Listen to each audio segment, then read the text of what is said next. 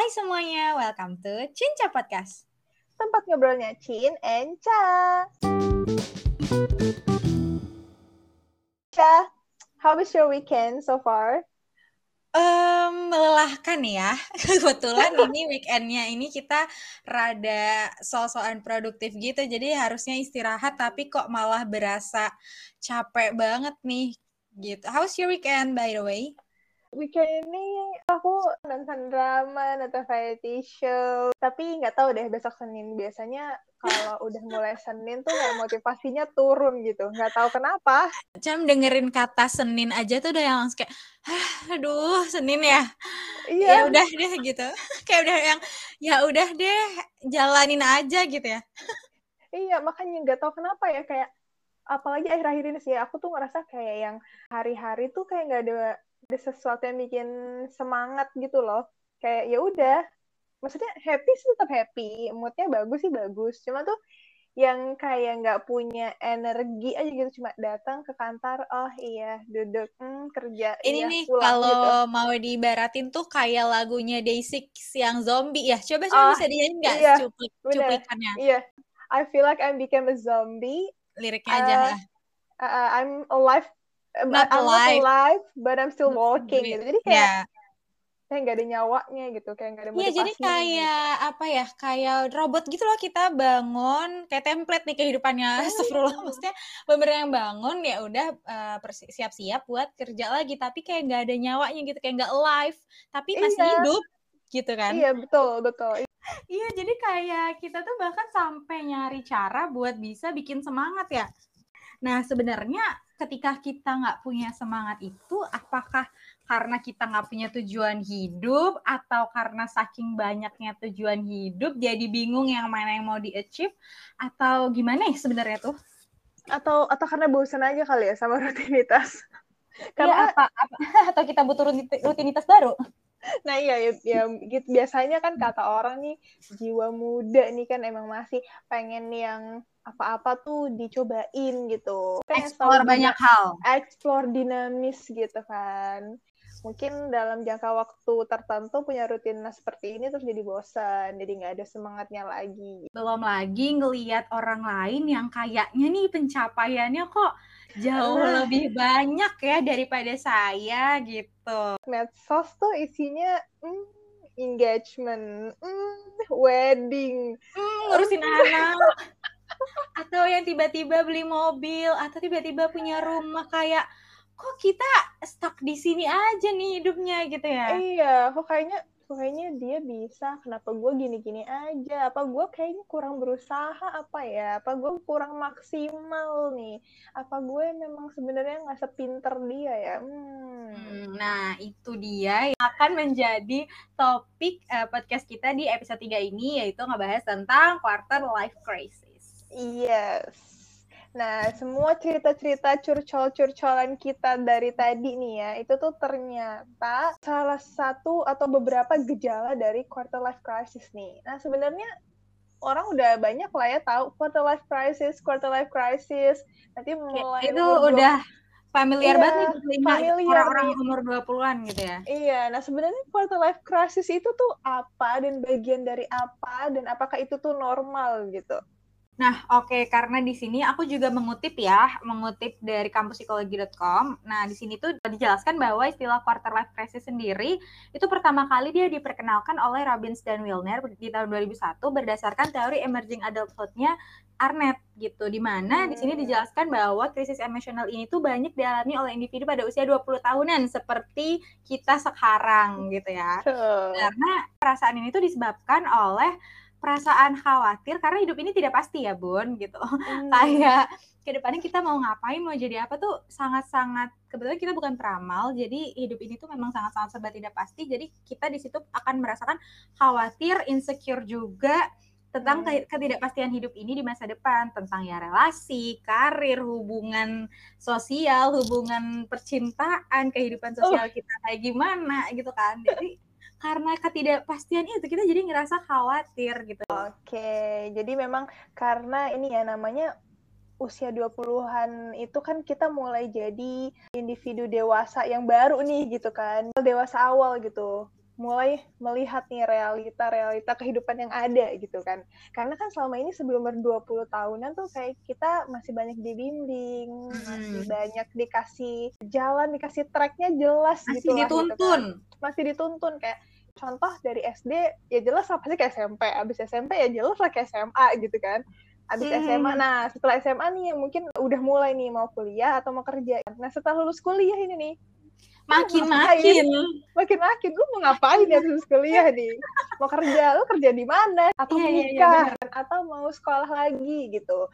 Kita mulai kayak shock gitu ya. Dan mungkin kita banyak dapat hal yang ternyata nggak sesuai sama ekspektasi kita waktu masih muda nih gitu. Pernah gak sih waktu SD itu cita-citanya jadi dokter? Mulai Semua masuk anak kayaknya SMP, gitu deh. Atau jadi guru gitu ya, atau dokter kalau nggak guru kebanyakan ya, tidak menggeneralisasi tapi kebanyakan begitu karena aku juga cita-cita dulu mau jadi dokter. Masuk Sama. SMP udah mulai mengulik-ngulik dan mengeksplor-eksplor profesi lain mulai mm. SMA mulai ah susah ya ternyata jadi ini tuh kayak oh prosesnya begini gitu loh. Nah, setelah lulus malah jadinya tuh kayak kekerjaan yang mau terima aja deh gitu gak sih kayak ya udah deh yang penting cari pengalaman dulu. Yang penting ngerasain dapat gaji dulu gitu. Karena jujur aku sendiri aja sebenarnya sampai sekarang tuh masih mencari-cari sebenarnya apa sih yang mau aku tekunin karir apa sih yang mau aku bangun untuk ke depannya gitu. Jadi kayak apa ya learning by doing sih. Maksudnya tidak menutup diri juga untuk belajar hal baru ya siapa tahu nanti seiring berjalannya waktu misalnya oh coba deh berkarir di bagian A di bidang A. Oh ternyata kurang deh ya udah coba mungkin di bidang B. Oh ternyata ini nih yang pengen aku tekunin gitu kan. Benar-benar learning by doing banget ya Kalau dari Incan sih lebih ke apa ya? Sebenarnya kan ya emang dari awal masuk psikologi kan tentu saja ingin menjadi psikolog ya. Cuman hmm. tuh memang prosesnya kebetulan tidak semudah itu ya, Bun. Harus iya. S2 dulu, harus ini dulu, sedangkan S2 juga butuh biaya tuh yang nggak sedikit gitu. hmm. gitu. Jadi sembari kita menabung untuk mewujudkan yang itu, kita juga malah kalau Encam sendiri malah kayak lebih bisa mengeksplor diri sendiri gitu loh. Di perjalanannya itu jadi tahu gitu. Sebenarnya kayak menemukan passion yang ternyata tuh jauh dari jurusan kuliah gitu. Nah, itu dia yang disebut perjalanan kayak di dalam hidup tuh kita memang memang belajar banyak gitu ya belajar untuk mengenali diri sendiri belajar untuk menerima juga gitu loh jadi ya sebenarnya dinikmati aja sambil ada perdebatan batin sih ya nah jadi ya ya emang kayaknya sih fase quarter life crisis ini banyak dihadapi atau dilalui oleh kita-kita yang masih usia yang masih atau sudah ya bahasanya yang masih usia 20 atau sudah usia 20 ya ya mungkin bahasanya banyak dilatih oleh kita yang rentang usia 20 oh, okay. sampai 30 20 gitu ya. Hmm, Pakai rentang usia ya. gitu ya. Ya memang wajar karena ya itu banyak proses-proses yang sebelumnya kita tuh nggak expect bakal kita hadapi gitu ya. Hmm. Udah kita masih mencari jati diri, terus dihadapin dengan uh, kenyataan-kenyataan yang nggak sesuai ekspektasi. Nah, dihadapin juga sama ekspektasi-ekspektasi sosial yang sebenarnya apa ya belum bisa kita penuhi gitu tuh. Ya katanya umur 24 harus menikah, ini untuk cewek ya. Uh, yang katanya umur segini harus udah punya rumah, yang katanya umur segini harus udah punya mobil, kayak nangis iya. gak sih? iya. Dari kalau aku sih sebenarnya udah ngerasain dari ini ya. Mulai ngerasain sebel nih sama maksudnya Eh, ekspektasi-ekspektasi yang dibentuk oleh kehidupan sosial kita nih misalnya kayak dari zaman kita udah kuliah semester akhir pasti kalau kita pulang liburan nih misalnya ada kerabat atau tetangga atau kenalan lah yang tanya oh kuliah ya udah semester berapa? Kapan lulus? Terus udah nanti kita udah lulus nih. Eh udah lulus ya? Ker kapan kerja kerja? Kerja di kerja mana? di mana? gitu kan. Nah udah nih. Lah kerja. Udah kerja. Eh kapan mantu?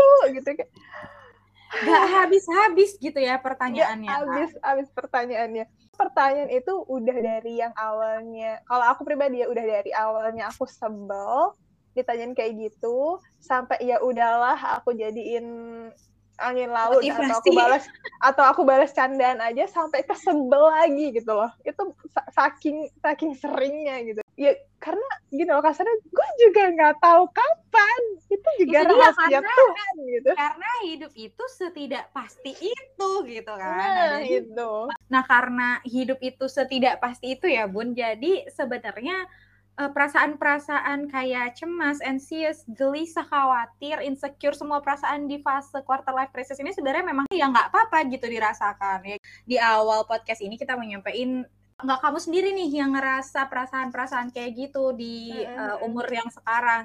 Kita juga bahkan ketika kita ngobrolin tentang topik ini, even kita tuh juga ngerasain ya, Cin. ngerasain makanya ini jatuhnya sebenarnya jadi curcol ya sebenarnya Iya, ini kayaknya di podcast yang sekali ini kita banyak curcol karena kita kayak ngerasa oh demotivasi banget nih gitu.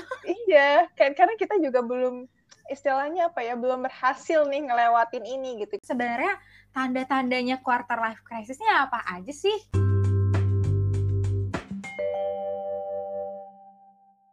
tanda-tanda kalau kita sedang berada di quarter life crisis. Nah, tanda yang pertama adalah merasa iri dengan teman sebaya yang punya pencapaian lebih. Hmm, udah kita singgung sih ya dari tadi ini sebenarnya. Dari awal kita udah menyinggung ini ya, isu-isu yang sedang terjadi. Isu-isu yang apalagi sekarang zaman sosial media.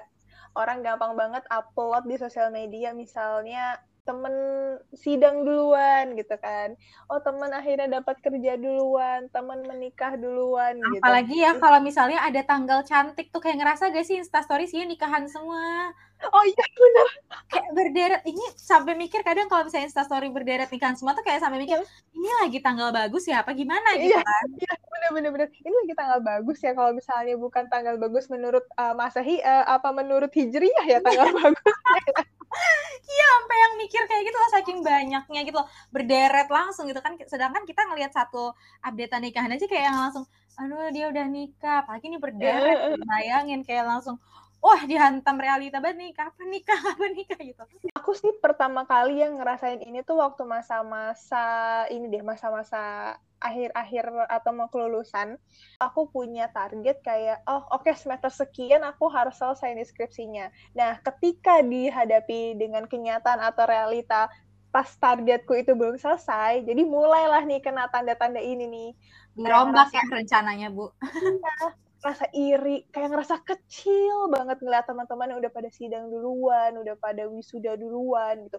Sampai akhirnya aku tuh waktu itu puasa sosmed sampai selesai sidang ah baru akhirnya aku main sosmed lagi. Karena saking sedihnya gitu loh ngelihat teman-teman yang sidang duluan. kalau Cin kan tadi ngerasanya eh, iri itu waktu zaman-zaman sidang skripsi ya. Nah, kalau misalnya Cam sendiri, jujur pertama kali ngerasa iri itu adalah ketika setelah lulus malah. Setelah lulus ngerasa teman-teman kayak udah update sama teman-teman barunya, teman-teman kerja, udah dapat kerja, terus ada yang lanjut S2. Eh, Itu tuh Aisyah, Aisyah. perasaan iri tuh sangat bergejolak di dalam hati ini karena ya eh, ibaratnya kalau misalnya pas kalau Cam pribadi ya, kalau Cam pribadi kalau kalau misalnya pas berkutat dengan skripsi itu ibaratnya kayak masih ada temennya gitu. Masih ada temennya Hmm. yang memang kita melalui itu gitu loh. Cuman kalau pas setelah kuliah nih balik ke rumah, ngerasanya jauh dari teman-teman yang dulu kuliah, ngerasa sendiri, sedangkan orang-orang update udah pada dapat kerja tuh udah punya teman-teman baru di kantor gitu kan. Atau yang S2 udah punya teman-teman kuliah baru, sedangkan kita nih kayak Mhm. aku belum punya teman, teman-temanku Iya. yang lama tuh jauh. Perasaan tuh kayak yang wah, wah gila banget ya perasaannya tuh baru pertama kali yang ngerasa irit sama pencapaian orang lain tuh itu sih. Iya, Iya. jadi kayak juga kita ngerasa kok kita ketinggalan banget ya. Kok orang Hmm, ngebut bener, banget ya gitu. Orang kok cepet Iya. banget gitu loh. Rezeki orang kok sampai aku tuh sampai buruknya pikiran kayak kok rezeki orang tuh bagus banget ya padahal kita tuh udah punya rezeki masing-masing kan. Cuman ya Iya, namanya betul, waktu itu betul, lagi ngerasa insecure banget jadi kayak ngerasa kayak oh kok aku sejelek eh aku seburuk itu kah gitu sampai orang-orang tuh bisa Bener-bener. enggak gitu kan. Iya, pasti perasaan itu muncul karena aku juga waktu itu. Yang kedua adalah sering bimbang atau bingung mengenai rencana hidup masa depan. Nah, ini juga tadi udah kita singgung juga nih. Kayak tadi kan lulus kuliah, terus habis itu ke depannya gue mau ngapain ya? Ya, kan? bingung, bimbang, bingung Bingung. gitu. Bingung nih antara mau kerja atau mau kuliah lagi. Kalau kuliah lagi butuh biaya. Mau kerja apa? Mau jadi yang apa? di bidang apa yang bisa gua kerjain ya gitu. Iya iya iya benar benar benar. Soalnya kadang kita tuh punya rencana tuh yang kayak aku mau kerja jadi A gitu. Oh ternyata Mm-mm. ngelamar di posisi A itu kita nggak keterima-terima gitu loh. Kok Iya, bener. susah banget gitu ya. Bener. Kalau aku waktu awal mau ngelamar kerja nih sempat bingung tuh karena, karena gini, aku merasa di jurusan kuliahku tuh aku belajar banyak hal gitu. Terus dari hal-hal ini yang mana satu ya yang mau kutekunin ya? Jujur aku merasa kayak nggak nggak ada yang aku merasa expert banget nih di bidang ini gitu nggak ada yang merasa aku aku bisa atau unggul banget nih dalam bidang itu gitu jadi kayak ah gue bisa ngapain ya gitu Yang belum tahu, Cam sama Chin ini adalah orang-orang yang pekerjaannya tidak sejalur sama jurusan kuliah ya. Makanya dari tadi kita tuh ngebahas pengen kerja ah, tapi kok nggak dapat dapat gitu ya. Iya, kan. selain pekerjaan nih kan, selain pekerjaan kok dulu tuh aku pernah kayak punya apa ya keinginan atau angan-angan, bayang-bayang, ah besok pengen deh nikah, jangan terlalu kalau bahasa lingkungan kita jangan terlalu tua gitu ya, biar Hmm. ntar kalau anakku udah gede, aku masih tetap gaul, masih tetap cantik, oke gitu kan. Nah tapi nih makin ke sini ya dihadapi dengan realita yang ternyata biaya nikah sekian ya vendor eh, acara misalnya gedung belum lagi MUA terus lagi belum lagi baju bridesmaid aduh kayaknya Ya, makin dia, makin kebayang deh gitu. Karena kita tuh ya balik lagi waktu kita zaman-zaman SMA di mana kita punya mimpi untuk nikah muda, mudanya tanda kutip eh, template-nya biasanya 24 25 tahun ya. Iya, itu betul. karena kita tuh sering nonton film atau sinetron yang kalau orang nikah itu nggak ditunjukin tuh mereka survei gedung, mereka nanya-nanya harga MUA, mereka nanya-nanya Iya. harga catering, mereka nabung buat nikah tuh nggak ditunjukin. Kayak udah Iya. ketemu si mas pacar nih langsung aja nikah gitu kan. Jadi kayak oh, Pri- ternyata price listnya nggak ditunjukin gitu ya tagihannya bener. nggak ditunjukin ya apalagi lulus kuliah misalnya umur template umur 24 25 berarti kan hitungannya bisa cepet aja ya itu kan kerja berarti udah sekitar 1 sampai 2 tahun lah ya baru dua satu sampai dua tahun. Iya, heeh. iya kerja baru 1 sampai 2 tahun. Penghasilan sekian, per tahun sekian. Kalau untuk biaya nikah sebenarnya belum ada tabungannya. Iya nggak sih? Iya banget. Iya, nggak realistis banget deh gitu kalau menurut aku sekarang ya. Ini menurut aku ya. Eh, disclaimer ini, Personal pendapat kita ya. opinion. Mm-mm. kita Ah, juga nggak nggak menyinggung orang-orang yang menikah muda karena ya balik lagi eh, itu eh, setiap orang tuh punya pilihan hidupnya masing-masing. Pilihan masing-masing dan rezekinya juga sama- beda-beda. Ah, nah itu dia punya tujuan hidup masing-masing yang lain sama rezeki dan kemampuan mereka Betul. gitu. Kebetulan kita nih belum mampu aja gitu. iya, belum belum mampu gitu tuh. Kalau aku sih belum sejujurnya selain belum mampu secara finansial, secara mental juga masih belum mampu sih ya karena kayak Mm-mm. beban hidup ini lebay banget ini. udah beban kerja aja tuh udah pusing apalagi harus mikirin orang lain gitu ya jadi kayak belum deh gitu. Iya, betul. Karena karena memang untuk memulai sebuah hubungan kita tuh harus jadi pribadi yang utuh dulu. Kita harus selesai dulu sama diri kita sendiri. Baru kita bisa berbagi kehidupan dengan orang lain. Oke. Tanda-tanda yang ketiga adalah kekurangan semakin nyata. Hmm. uh langsung kayak wah ini aku banget Nah, kalau Cade dulu deh gimana nih? Kekurangan semakin nyata yang dialamin apa? kayak gini eh, ketika kita ngelihat pencapaian-pencapaian orang lain ini kita ngebaca di sosmed ya Mm. karena kita bisa melihat dalam tanda kutip itu orang itu udah achieve apa dalam hidupnya karena biasanya mereka post di sosmed gitu kan ketika Mm. ngelihat temanku kok udah nikah, temanku kok bisa lanjut S2, temanku kok bisa dapat kerjaan yang aku pengenin ya gitu loh.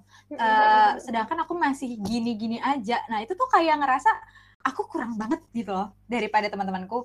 Apakah skill eh, skillku kayak nggak ada apa-apanya? Kalau misalnya ngeliat orang yang udah nikah tuh, kalau ngeliat orang yang udah nikah tuh jadi kayak yang kok aku bahkan pacar aja nggak punya gitu loh. Aduh kok ini sounds kasihan banget ya, tapi memang Iya, itulah adanya gitu. Jadi ketika kita Iya, kok- kok- orang lain kita jadi ngerasa Mm. ketinggalan dan merasa kayak diri kita tuh aduh kurang banget gitu loh. iya bener-bener bener. Nah, terus udah tadi kita merasa iri, terus bimbang juga sama masa depan, merasa kekurangan makin nyata. Nah, tanda-tanda lainnya itu ada juga merasa sulit mengambil keputusan. Hmm, kalau Jah pernah nggak ada di momen ketika merasa sulit mengambil keputusan? Ini sih pas dulu tuh kayak ini uh, pas awal-awal dapat kerja, eh pas awal-awal nge-apply apply kerjaan gitu. Oh, Lebih okay. ke bingungnya ngambil keputusan kayak saya kita dapat pekerjaan yang nggak sesuai sama jurusan gitu. Mm-hmm. Apakah aku harus ambil ini dulu buat jadiin uh, apa namanya garis start menuju dunia pekerjaan atau uh, nanti aku nggak nyaman? Kalau misalnya nanti aku nggak nyaman gimana? Atau nanti aku nggak suka sama kerjaannya? Tapi kalau misalnya nggak diambil nanti aku nggak kerja kerja kayak gitu kayak banyak uh, banget okay, tuh kan jadi jadi ketika mau ngambil ambil apa enggak ya nih kerjaannya gitu kan? Kayak kita tuh udah ngelamar di situ tapi pas ketika hmm. kita ditawarin offering kita jadi bingung ambil gak ya? Tapi ini nggak sesuai sama jurusanku. Tapi ini kayak gini ini kayak gini ini kayak gitu. Jadi susah banget tuh ngambil keputusan. Kayak banyak banget pertimbangannya sebelum mengambil keputusan tuh kayak apa ya mendikte satu-satu dulu konsekuensinya apa nih gitu kalau kita ngambil keputusan A konsekuensinya ABCD kalau kita ngambil keputusan ini konsekuensinya ABCD gitu nggak sih Yes, bener banget. Jadi makin banyak pertimbangannya. Nah, terakhir nih, ada merasa kelelahan dan kurang motivasi. Nah, ini. Ini, ini dia. Sumpah ya, ya ampun. Ini kayak bawaannya kalau dengar poin ini tuh kayak mau curhat gitu ya. Karena ini iya, bener. tiap hari kok capek gitu. tiap hari rasanya capek dan demotivasi gitu ngelihat pencapaian-pencapaian orang lain bukannya malah wah aku harus lebih kerja keras tapi malah yang aduh capek banget ada di satu hari yang oh oke okay, fine fine aja biasa tapi ada satu hari aduh kok hari ini kayaknya cepet capek ya gitu kok hari ini kayaknya melelahkan banget ya padahal di kerjaan itu juga ya kurang lebih sama aja kan setiap hari gitu. Even bahkan kerjaan kita berdua itu bukan yang mengandalkan fisik gitu loh, bukan kerja iya. fisik yang harus bener ngapain ngapain ngapain. Even aku kerjanya duduk doang gitu loh. Sama, seharian duduk doang tapi kayak duduk aja tuh kok capek, ya. capek. ya. Nah, jadinya dari lima, lima tanda-tanda quarter life crisis ini bisa disimpulkan bahwa kita berdua sangat bisa relate karena ya memang sedang terjadi di kehidupan kita sekarang gitu ya kan. Nah, gimana terus? Kita tuh harus gimana gitu? Cara menghadapi quarter life crisis itu gimana? Kayak tolong. God help gitu.